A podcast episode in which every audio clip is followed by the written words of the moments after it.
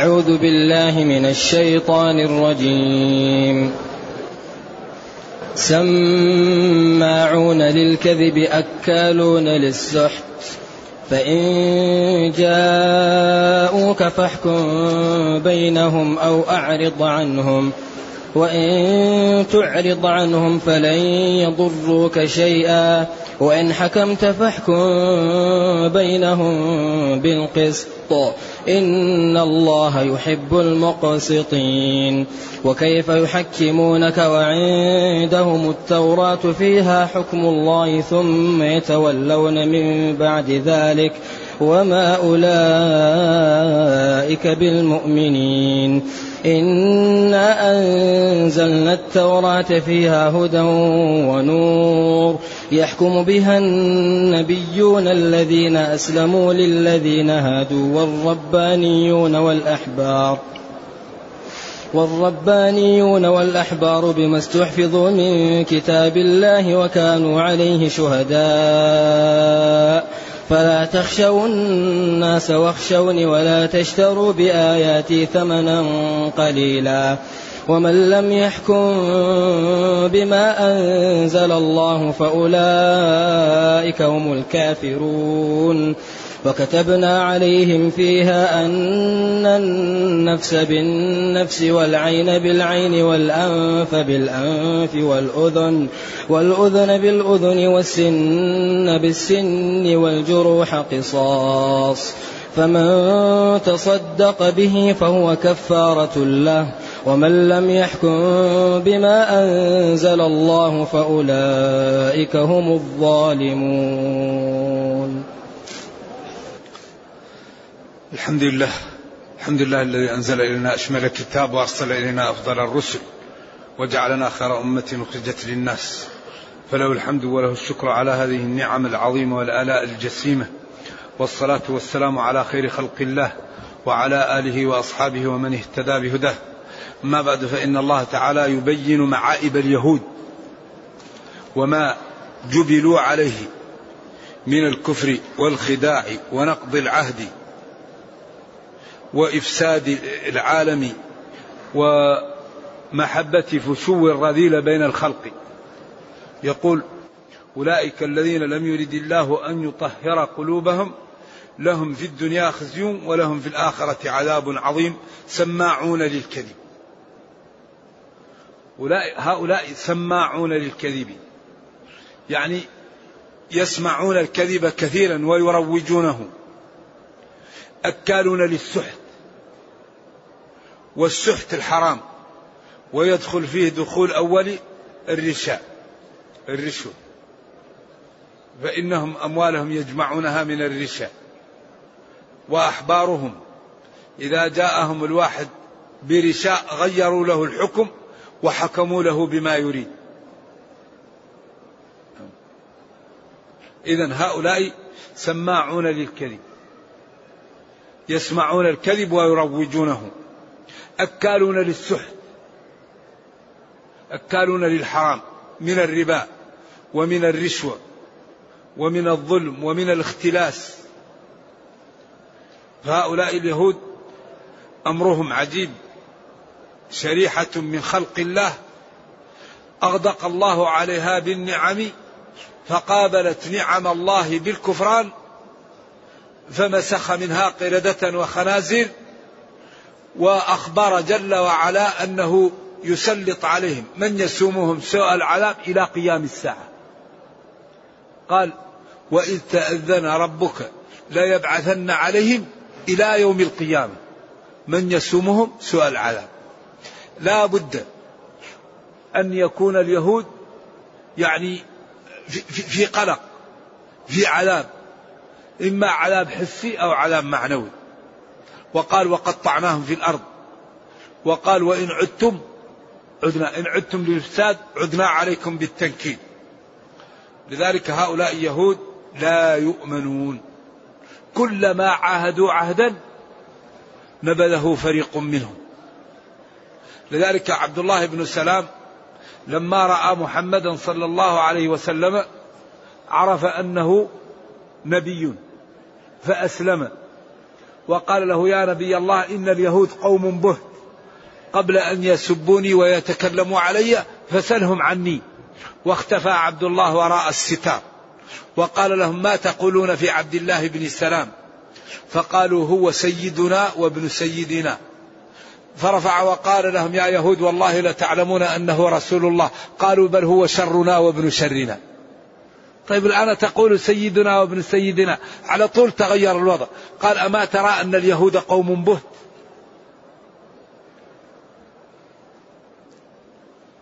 وما يقومون به الآن لا يخفى عليكم. إذا أكالون للسحت. فإن جاءوك يا نبي فاحكم بينهم أو أعرض عنهم. وإن تعرض عنهم فلن يضروك شيئا. وإن حكمت فاحكم بينهم بالقسط إن الله يحب المقسطين. هذه الآية اختلف فيها العلماء إلى قولين. قول إن هذا الحكم كان مخيرا فيه ثم نسخ بقوله وأن احكم بينهم بما أنزل الله. القول الثاني أن هذا غير منسوخ وهو الذي تعضده الأدلة وهو اختيار كبير المفسرين. وقال إن الآية غير منسوخة وإن الجمع بين الآيتين فإن جاءوك فاحكم بينهم إن أردت. وإن أردت أن لا تحكم بينهم إن شئت. وإن أردت أن تعرض عنهم وتقول لهم اذهبوا إلى غيري فلك ذلك. وإن حكمت بينهم فيكون الحكم بالعدل. والجمع واجب متى ما أمكن ولا يصار إلى النسخ إلا إذا كانت الآية واضحة أنها رافعة للآية وما دام الجمع ممكنا بين النصوص فلا يصار إلى النسخ.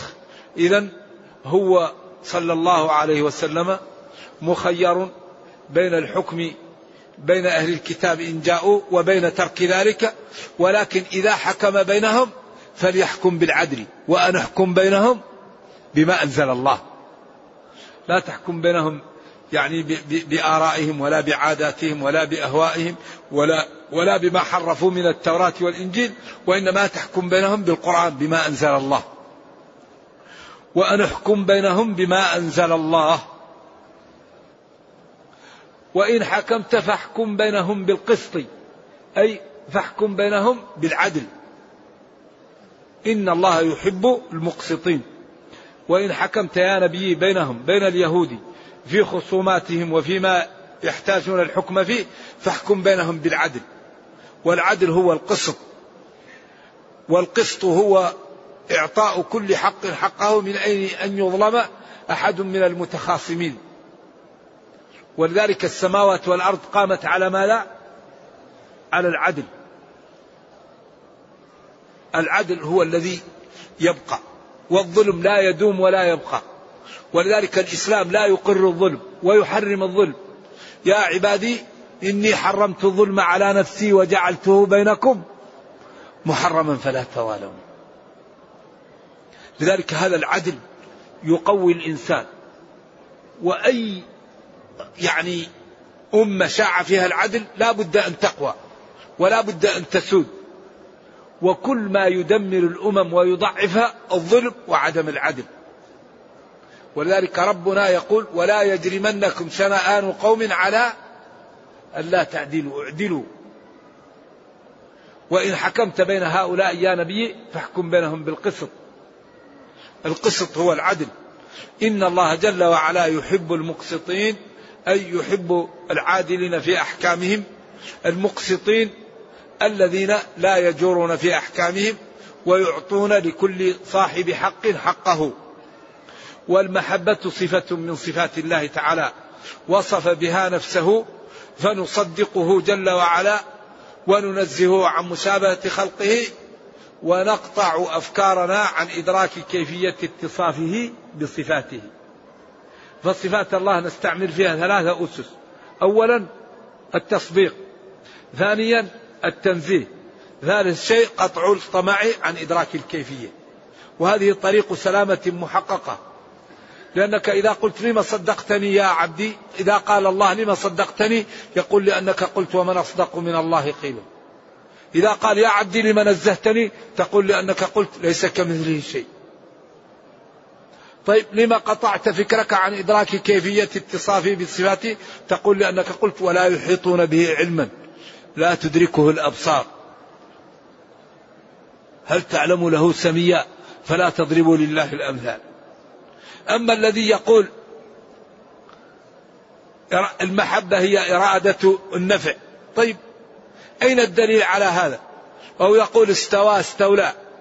أو يقول وجاء ربك جاء أمر ربك. الله قال لنبيه لتبين للناس ما نزل إليهم. والله قال إن الله يحب المقسطين. ولم يقل اعلموا أنكم إن أذهبتم هذه الصفة ضللتم. وتأخير البيان عن وقت الحاجة لا يجوز. فبان أن التأويل يحتاج إلى أدلة. لا يجوز أن تؤول صفات الله إلا بنص من الكتاب والسنة. ونبينا صلى الله عليه وسلم قال له ربه لتبين للناس. وجاءت الرحمن على العرش استوى في القرآن سبع مرات. ولم تأتي استولى. فالذين يقولون الرحمن على العرش استوى استوى استولى. طيب ما مستندهم من الكتاب أو السنة؟ وبعدين صفات الله توقيفية. إذا كثير من المسلمين يخطئ في هذا الجانب نظرا لاستعمال العقول في أماكن لا يصح فيها إلا استعمال النصوص. إذا قالوا بل يداه مبسوطتان يقول نحن لا نعرف يد إلا كيد المخلوق وإذا أثبتنا اليد لله شبهناه بخلقه إذا نقول اليد القدرة. طيب كل شيء له قدرة. لذلك قال ليس كمثله شيء وهو إيش؟ السميع البصير. فاثبت لي سمعي وبصري على أساس ليس كمثلي شيء. قال ليس كمثلي شيء وهو السميع البصير. وقال ثم استوى على العرش الرحمن إيش؟ فاسأل به خبيرا. هذا تهديد مبطن. لا تقول استولى. فاسأل به خبيرا. هذا إعجاز. إذا ينبغي أن ما قاله الله نقوله وما نفاه ننفيه وما سكت عنه الوحي نسكت. ما أثبت الله لنفسه نثبته وما نفى الله عن نفسه ننفيه وما أثبت الرسول لربه نثبته وما نفى الرسول عن ربه ننفيه وما سكت عنه الوحي نسكت. هذه طريق سلامة محققة. أما لما ترجمت كتب اليونان وقالوا أول واجب على المكلف إعماله للنظر. إيش أول واجب على المكلف؟ شهادة أن لا إله إلا الله. فاعلم أنه لا إله إلا الله. يا أيها الناس اعبدوا ربكم. وبعدين قال فلا تجعلوا لله أندادا. هذا لا إله إلا الله مفرقة بأدلتها. وبعدين النظر نظر إيه؟ إعماله للنظر المؤلف. وبعدين يقول نحن لا نعرف صفة إلا كصفة المخلوق. إذا إذا أثبتنا الصفة شبهنا الله بخلقه. إذا والنص إن أوهم غير اللائق بالله كالتشبيه بالخلائق. فاصرفه عن ظاهره إجماعا إجماع إيه؟ إجماع كتاب إجماع من سنة إجماع إيه؟ هذه مشكلة. لذلك لما ترجمت كتب اليونان وجاء المنطق استعمل في أمور سببت للأمة مشاكل. لذلك كل من أول وكل من دخل في هذا في آخر حياته يتوب ويقول ما أثبت الله نثبته وما نفاه ننفيه وما سكت عنه الوحي نسكت. فالشهرستاني والجويني والغزالي وأبو الحسن الأشعري وأغلب هؤلاء في آخر حياتهم كل واحد منهم يقول ها أنا أموت على دين العجائز. ما قال الله نقول هو ما نفعنا فيه وما نسكت نسكت. لذلك تأملوا في, في, في آلاء الله. أيوة كفاك من عرفانه الفؤاد لا قبل ظهر الفساد. الله الذي خلقكم. ثم رزقكم ثم يميتكم ثم يحييكم. هل من شركائكم من يفعل من ذلكم من شيء؟ لا. سبحانه وتعالى عما يشركون. لذلك الذي يخلق ويرزق ويعطي ويدفع الشر هو اللي يعبد هو الذي يطاع هو الذي تمتثل أوامره هو الذي تجتنب نواهيه. إذا هذا الدين عملاق بس يحتاج منا وقت لنفهمه. يحتاج منا وقت لنقرأه يحتاج منا وقت لنعمل به. هذا الكتاب لا ينفعنا إلا إذا عملنا به. إلا إذا جعلناه دستورا في حياتنا. إلا إذا تمثلناه. عند ذلك نفعنا ونفع الآخرين بأننا نكون قدوة لهم. أما إذا كنا نقرأ القرآن ولا نعمل به. ما ينفعنا. لذلك هذا الدين ما تصلح معه المجاملة. الدين ما فيه إلا واحد مسلم أو واحد كافر. ما فيه ما في واحد يكون بين المسلم والكافر لا. لذلك الله لما أخبر عن الخلق قال فريق في الجنة وفريق في السعير. قال يوم تبيض وجوه وتسود وجوه. مثل الفريقين كالأعمى والأصم والبصير والسميع هل يستويان مثلا. للذين أحسنوا الحسنى وزيادة إلى أن قال والذين كسبوا السيئات جزاء سيئة بمثلها وترهقهم ذلة. ما لهم من الله من عاصم. كأنما أوصيت وجوههم قطعا من الليل مظلما. أولئك أصحاب, أولئك أصحاب النار هم فيها خالدون. والله لا عذر لنا بعد هذا البيان. بعد هذا التوضيح وبعد هذا البيان لا عذر لنا. إذا يقول جل وعلا وإن حكمت فاحكم بينهم بالقسط. إن الله جل وعلا يحب المقسطين. لأن المقسط العادل والقاسط الفاجر. قسط في الأمر إذا جار وأقسط إذا عدل. وأما القاسطون فكانوا لجهنم حطبا. وهنا قال واحكم بينهم بالقسط أي بالعدل. إن الله يحب المقسطين جمع مقسط وهو الذي يعدل. فالثلاثي للانحراف والرباعي إيش؟ ما زاد عليه للاستقامة. ثم قال وكيف يحكمونك؟ وعلى أي وجه يأتوك وعندهم التوراة؟ فيها حكم الله. وما عندهم في التوراة أصلا لو اتبعوه لما حصل لهم ما حصل. لكنهم هم يحرفون التوراة ويحرفون صفتك ومن طبعهم الكذب والغش والدجل وعدم الاستقامة. وعلى أي طريقة يحكمونك وعندهم التوراة؟ فيها حكم الله. الذي أمروا باتباعه والذي هو عندك. ثم يتولون من بعد ذلك. أي من بعد بيانها. ومن بعد ما اتضح لهم الحق وما أولئك بالمؤمنين. هؤلاء ليسوا بمؤمنين. وهذا إزراء باليهود الذين كانوا بين ظهراني النبي صلى الله عليه وسلم وعيب لهم وأنهم ليسوا قدوة وليسوا أهلا للاحترام. فيا مسلمون ويا كفار من أهل الجزيرة اعلموا أن أهل الكتاب حرفوا وبدلوا وكذبوا فلا تظنوا أنهم أهلا لأن يقتدى بهم وإنما هم هذه عادتهم. وما أولئك بالمؤمنين. ثم قال إنا الله أنزل التوراة على موسى فيها أي في التوراة هدى بيان ونور أحكام يحكم بها يحكم بهذه التوراة النبيون. محمد صلى الله عليه وسلم لما جاءهم جاء بالتوراة وبين لهم فيها إيش؟ حكم الرجل الموافق لكتاب الله. ويحكم بها النبيون السابقون الذين أسلموا انقادوا لحكم الله وعملوا به. يحكم به للذين هادوا لليهود. ويحكم بها الربانيون. وهم الأحبار العلماء البصراء بالشريعة. فالرباني هو العالم العامل البصير بالأحكام. عالم عالم عامل بصير بصير بهذه الأمور. هم العلماء الأتقياء البصراء.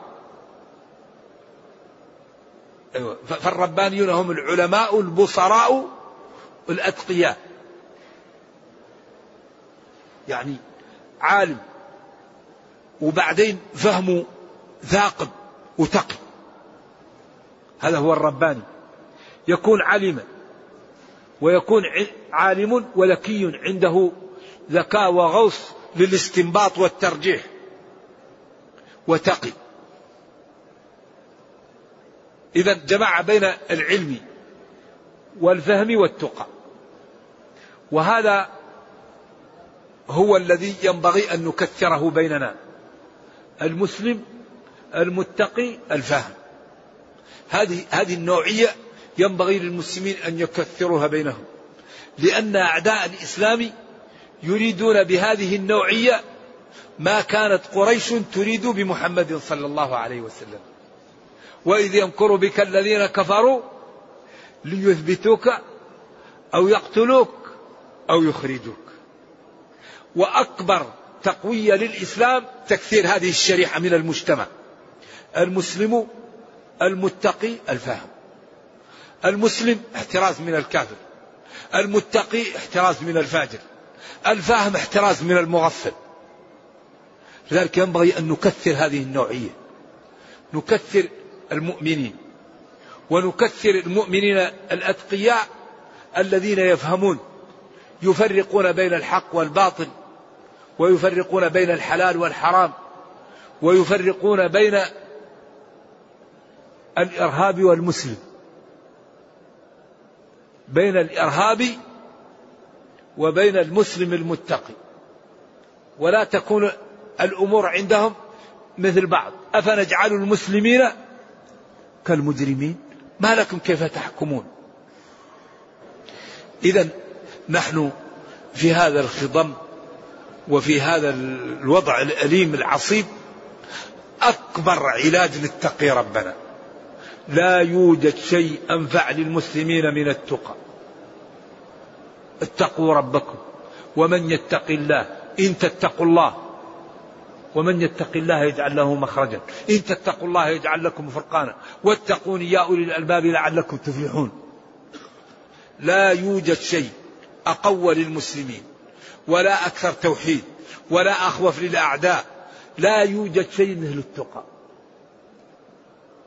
ومن اتقى الله حماه ومن اتقى الله نصره ومن اتقى الله سدده ومن اتقى الله أسعده ومن اتقى الله بارك له في عمره وفي ولده.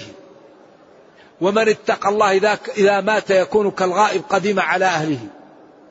ومن اتقى الله إذا سأله أجابه. ومن اتقى الله إذا عاداه شخص دمره ربه. من عادى لي وليا. إذا أهم شيء نزرع التقاء في نفوسنا. أهم شيء نهتم بالتقى أكبر ما يقوي الأمة التقى. لأن العبد إذا اتقى الله الله قادر. وعبد اتقاه ما يريد يعطيه. ما يخاف منه يؤمنه منه. ولكن من التقى أن لا نترك الأسباب. لأن الدنيا يحكمها إيش؟ قانون؟ أيوة الأسباب. أوفوا بعهدي أوفي بعهدكم. إن الله اشترى. من ذا الذي يقرض الله قرضا حسنا؟ كل شيء بثمنه. قال في حق أهل الجنة تتجافى جنوبهم عن المضاجع يدعون ربهم خوفا وطمعا ومما رزقناهم ينفقون. فلا تعلم نفس ما أخفي لهم من قرة أعين جزاء بما كانوا يعملون. وقال إن الذين قالوا ربنا الله ثم استقاموا تتنزل عليهم الملائكة. ألا تخافوا ولا تحزنوا وأبشروا بالجنة التي كنتم توعدون. نحن أولياؤكم في الحياة الدنيا وفي الآخرة ولكم فيها ما تشتهي أنفسكم ولكم فيها ما تدعون. إلى آخر الآيات وقال جل وعلا قد أفلح المؤمنون الذين هم في صلاتهم خاشعون والذين هم عن اللغو معرضون والذين هم للزكاة فاعلون والذين هم لفروجهم حافظون. إلى أن قال والذين هم لأماناتهم وعدهم راعون والذين هم على صلواتهم يحافظون أولئك هم الوارثون. الذين يرثون الفردوس هم فيها خالدون. والله لا عذر لنا بعد بيان كتاب ربنا. إذا وضح لنا طرق العزة وضح لنا طرق القوة وضح لنا طرق العلم وضح لنا طرق الغناء وضح لنا طرق التقى. كل الطرق مبينة في هذا الكتاب. فحري بنا أن نعطي وقتا لكتاب ربنا وأن ندرسه وأن نفهمه وأن نعمل به وأن نتمثله. فإنا إن فعلنا ذلك. الله حمانا ودمر أعداءنا. إذا قام المسلمون بما يستطيعون الله يرد عنهم كيد أعدائهم. ولا ينصرن الله من ينصره. وإن جندنا لهم الغالبون لكن إذا كان المسلمون يذهبون في الخطأ أيوة الرجل يطيل, يطيل السفر أشعث أغبر يا رب يا رب يا رب. إيش؟ و و ومركبه حرام وملبسه حرام وغذي بالحرام. فأناه يستجاب لذلك. إذا الحرام هو أخطر ما نواجه أخطر ما نواجه المعاصي. المعاصي تقوض المعاصي تنزع البركة من العمر من الولد من المال تجعل القوي ضعيف. ما يوجد شيء أضر من المعاصي ولا يوجد شيء أقو, أقوى للأمة من التقى. فلنتق الله ولنترك المعاصي ولنسدد ولنقارب وربنا بإذن الله ينصرنا. لأن ربنا يقول ولا ينصرن الله من ينصره ويقول إن الله لا يخلف الميعاد. إذا يقول جل وعلا وعندهم التوراة فيها حكم الله ثم يتولون من بعد ذلك المبين وما أولئك بالمؤمنين. ثم قال إنا أنزلنا التوراة. الله أنزل التوراة. فيها هدى بيان ونور رشاد وحكم. يحكم بها النبيون محمد صلى الله عليه وسلم ومن سبقه لأنها هي والقرآن متفقين. الذين أسلموا للذين هادوا. ويحكم بها الربانيون العلماء البصراء الأتقياء والأحبار وهم علماء اليهود بما استحفظوا. شوف لاحظ قال بما استحفظوا. كتابهم استحفظوه فضيعوه. أما نحن كتابنا حفظه ربنا. إنا نحن نزلنا الذكر وإنا له لحافظون. القرآن محفوظ. لا يمكن يغير ولا يبدل ولا يمكن تزاد فيه كلمة ولا تنقص كلمة. لذلك هذا الكتاب محفوظ من الله. أما هم التوراة استحفظوها فضيعوها. فكتموا وزادوا وخلطوا العهد القديم بالعهد الجديد ويسبوا الأنبياء ويتهموهم بالزنا وبالفاحشة ويأتوا في كتبهم بالضلال وكل لا سند له وكلام. أما هذا الكتاب محفوظ لا يزاد فيه ولا ينقص وتحدى البشرية وقال لهم أنا رسول والدليل هذا الكلام أتوا بمثله فعجز أهل الأرض عنه. لذلك هو معجزة قائمة إلى قيام الساعة. وأوحي إلي هذا القرآن لأنذركم به ومن بلغ. لا, لا يمكن لو يجتمع أهل الأرض والتطورات الآن الحصل من الرقي ومن المدنية ومن الثورة المعلوماتية لا يوجد حكم فيه كذب. لا يوجد حكم فيه يناقض حقيقة. بل كل ما اكتشفوا شيء نفتح القرآن ونقول هذا في الكتاب. وجدوا الطائرة والسيارة قلنا ويخلق ما لا تعلمون وجدوا أن من كان في طبقات الجو يقل الأكسجين قلنا هذا في القرآن كأنما يصعد في السماء وجدوا تحنيط الفراعنة قلنا فاليوم ننجيك ببدنك لتكون لمن خلفك آية فكل ما اكتشفوا شيء نقول إيش؟ نقول هذا في كتابنا. وجدوا صحة الرياضة وأهميتها للبدن قلنا عندنا الصلاة أحسن رياضة. أحسن رياضة في الدنيا الصلاة. ما في رياضة مثلها. لا تفقع عين ولا تكسر ظهر ولا تكسر سن وتجعل رصيدك مليان وجسمك قوي. ما في رياضة مثل الصلاة. يقوم تركع تسجد بعدين حتى تطمئن ما في رياضة مثل الصلاة أبدا إذا أقيمت على حالتها بعدين قالوا اهتموا بالنظافة لأن في فيروسات وميكروبات ومشاكل. كل يوم لابد أي إنسان أراد أن يتوضأ وهو محدث يغسل الأطراف التي تظهر للغبار. إذا قمتم إلى الصلاة هذا أمر من؟ اغسلوا وجوهكم. وأيديكم إلى المرافق وامسحوا برؤوسكم وأرجلكم إلى الكعبين. هذه الأطراف اللي تظهر يمكن فيه فيروسات أو ميكروبات تغسل في اليوم خمس مرات. وبعدين لا تغسل إلا بالماء المطلق. ما هو أي ماء؟ هذا دين عجيب. كله جوهر كله جميل كله معجز ولكن نحن نائمون. المسلمون نائمون. عيب والله يكون المسلمون نائمون. وأعداءنا يشتغلوا ويهتموا بالمؤسسات ويهتموا بالقوة ونحن نائمون. والواحد يصلي أخوه جنبه في, في الصف ينظر إليه ويقول له أبغضك في الله. أخي هو أخوك يصلي جنبك كيف تكرهه؟ ولا يؤمن أحدكم حتى يحب لأخيه ما يحب لنفسه. كيف تبغض أخاك يا أخي وهو معك في الصف الأول يصلي معك؟ استعذ بالله من الشيطان يا أخي. قل لعبادي يقولوا التي هي أحسن. لا والله هذا الكتاب عجيب الحقيقة. إذا يقول إنا أنزلنا التوراة فيها هدى ونور يحكم بها النبيون الذين أسلموا للذين هادوا والربانيون والأحبار بما استحفظوا من كتاب الله وكانوا عليه شهداء. فلا تخشوا الناس واخشون ولا تشتروا بآياتي ثمنا قليلا. ومن لم يحكم بما أنزل الله فأولئك هم الكافرون. يقول الله جل وعلا إنا أنزلنا التوراة فيها منافع. يحكم بها هؤلاء الذين صفتهم لليهود. ويحكم بها الربانيون والأحبار بما استحفظوا من كتاب الله بما وكله الله إليهم من كتبهم وكانوا عليه شهداء وكانوا على ذلك شهداء. فلا تخشوا الناس واخشون.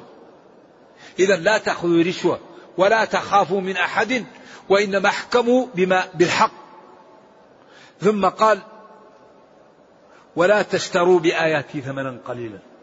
لا تستبدلوا أحكام الله بالباطل نظرا لمنفعة دنيوية حسية أو معنوية إما لرئاسة أو لرشوة.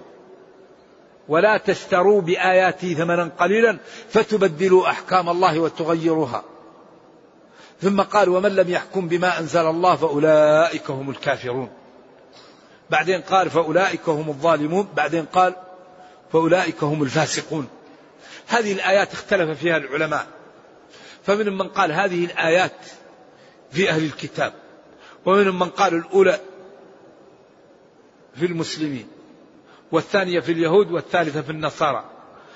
وكبير المفسرين قال الذي يظهر أن الآيات في أهل الكتاب لأن السياق قبل ذلك وبعده في أهل الكتاب.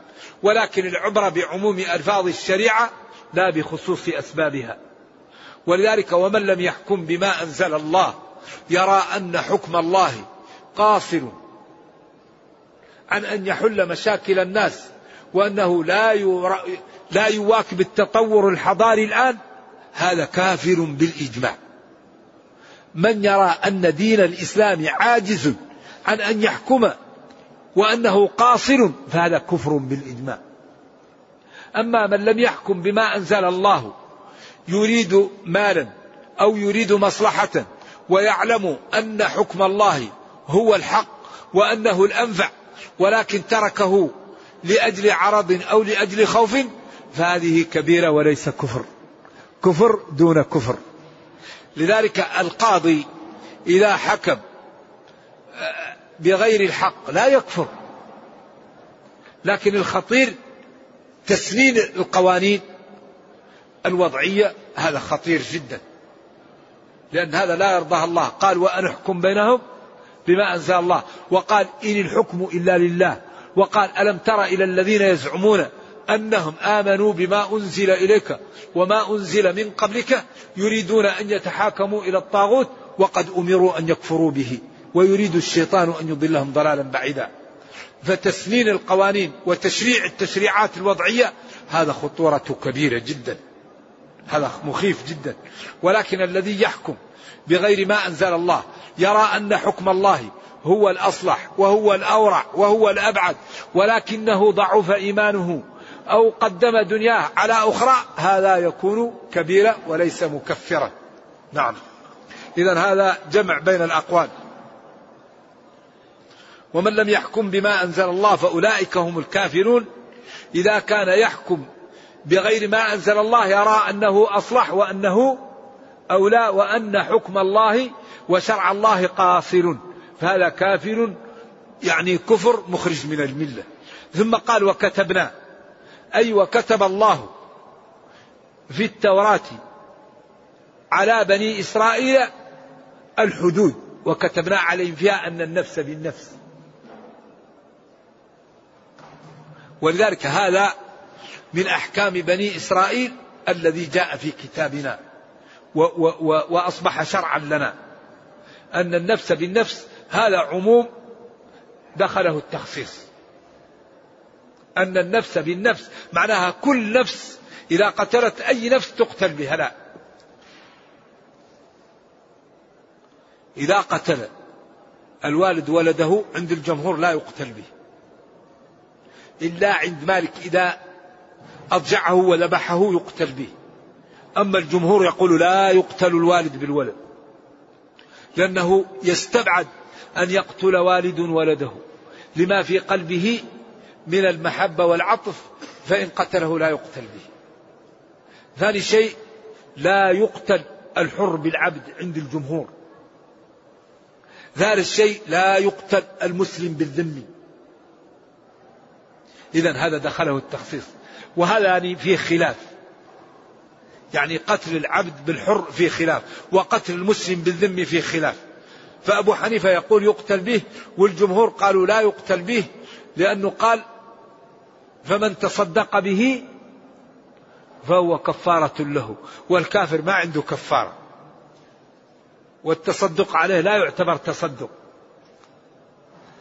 والمسلمون تتكافأ دماؤهم ولكن العبد سبق عليه كفر سبب له ضعفا.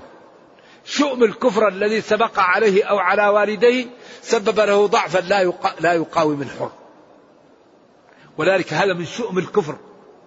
وكذلك الذم قتل جرم كبير ومعصية كبيرة.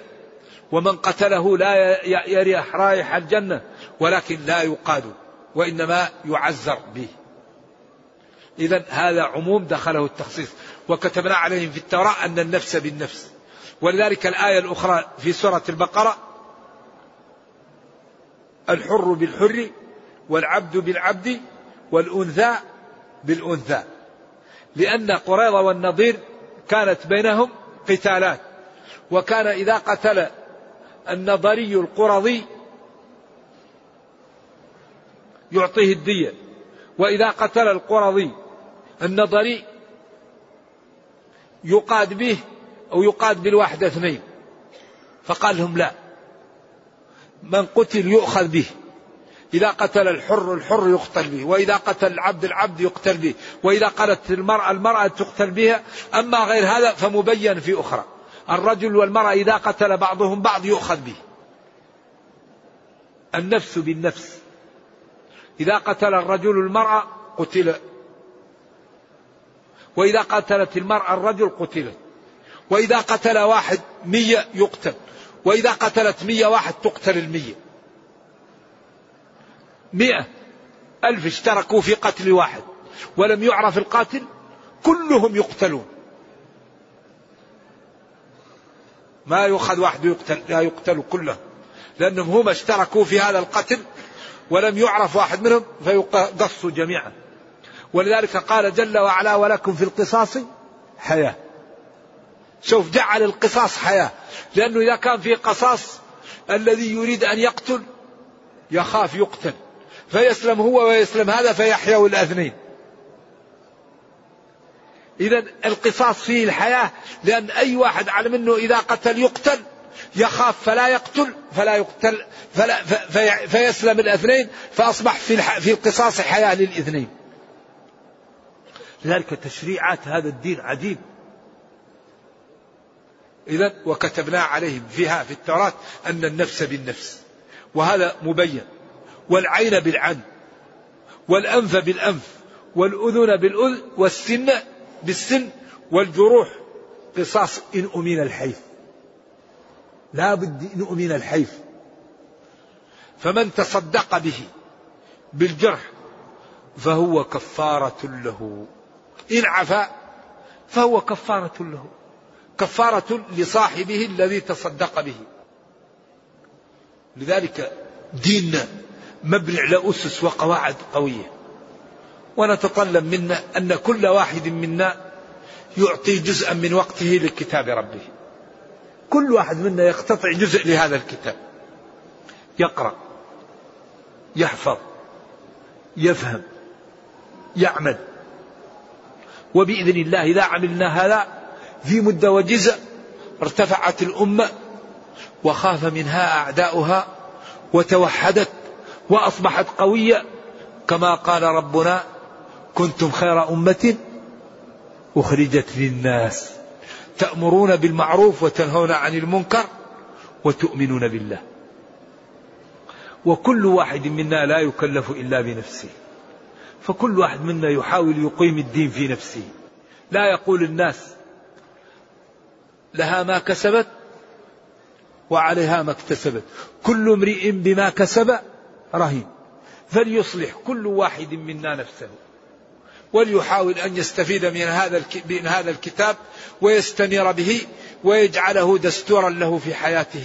فإن الله ضمن لمن تمسك به أنه لا يضل ولا يشقى وضمن لمن أعرض عنه أنه يعيش في الدنيا عيشة ضنكة ويحشر يوم القيامة أعمى. نرجو الله جل وعلا أن يرينا الحق حقا ويرزقنا اتباعه وأن يرينا الباطل باطلا ويرزقنا اجتنابه. وأن لا يجعل الأمر ملتبسا علينا فنضل. اللهم ربنا أتنا في الدنيا حسنة وفي الآخرة حسنة وقنا عذاب النار.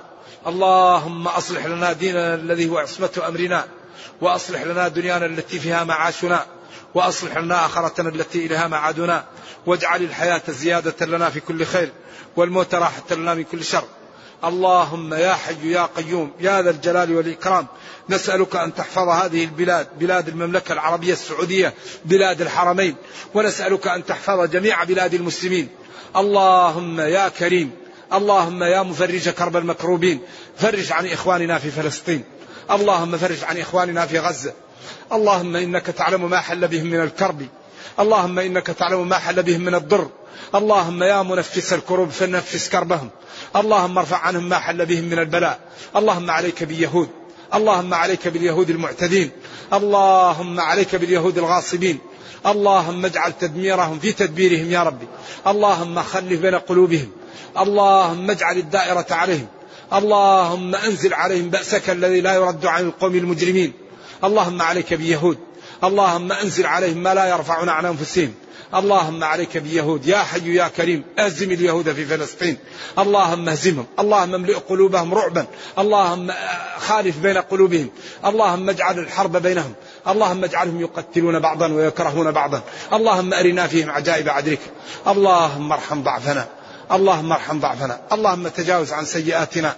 سبحان ربك رب العزة عما يصفون وسلام على المرسلين والحمد لله رب العالمين والسلام عليكم ورحمة الله وبركاته. نجيب على السئلة إن شاء الله.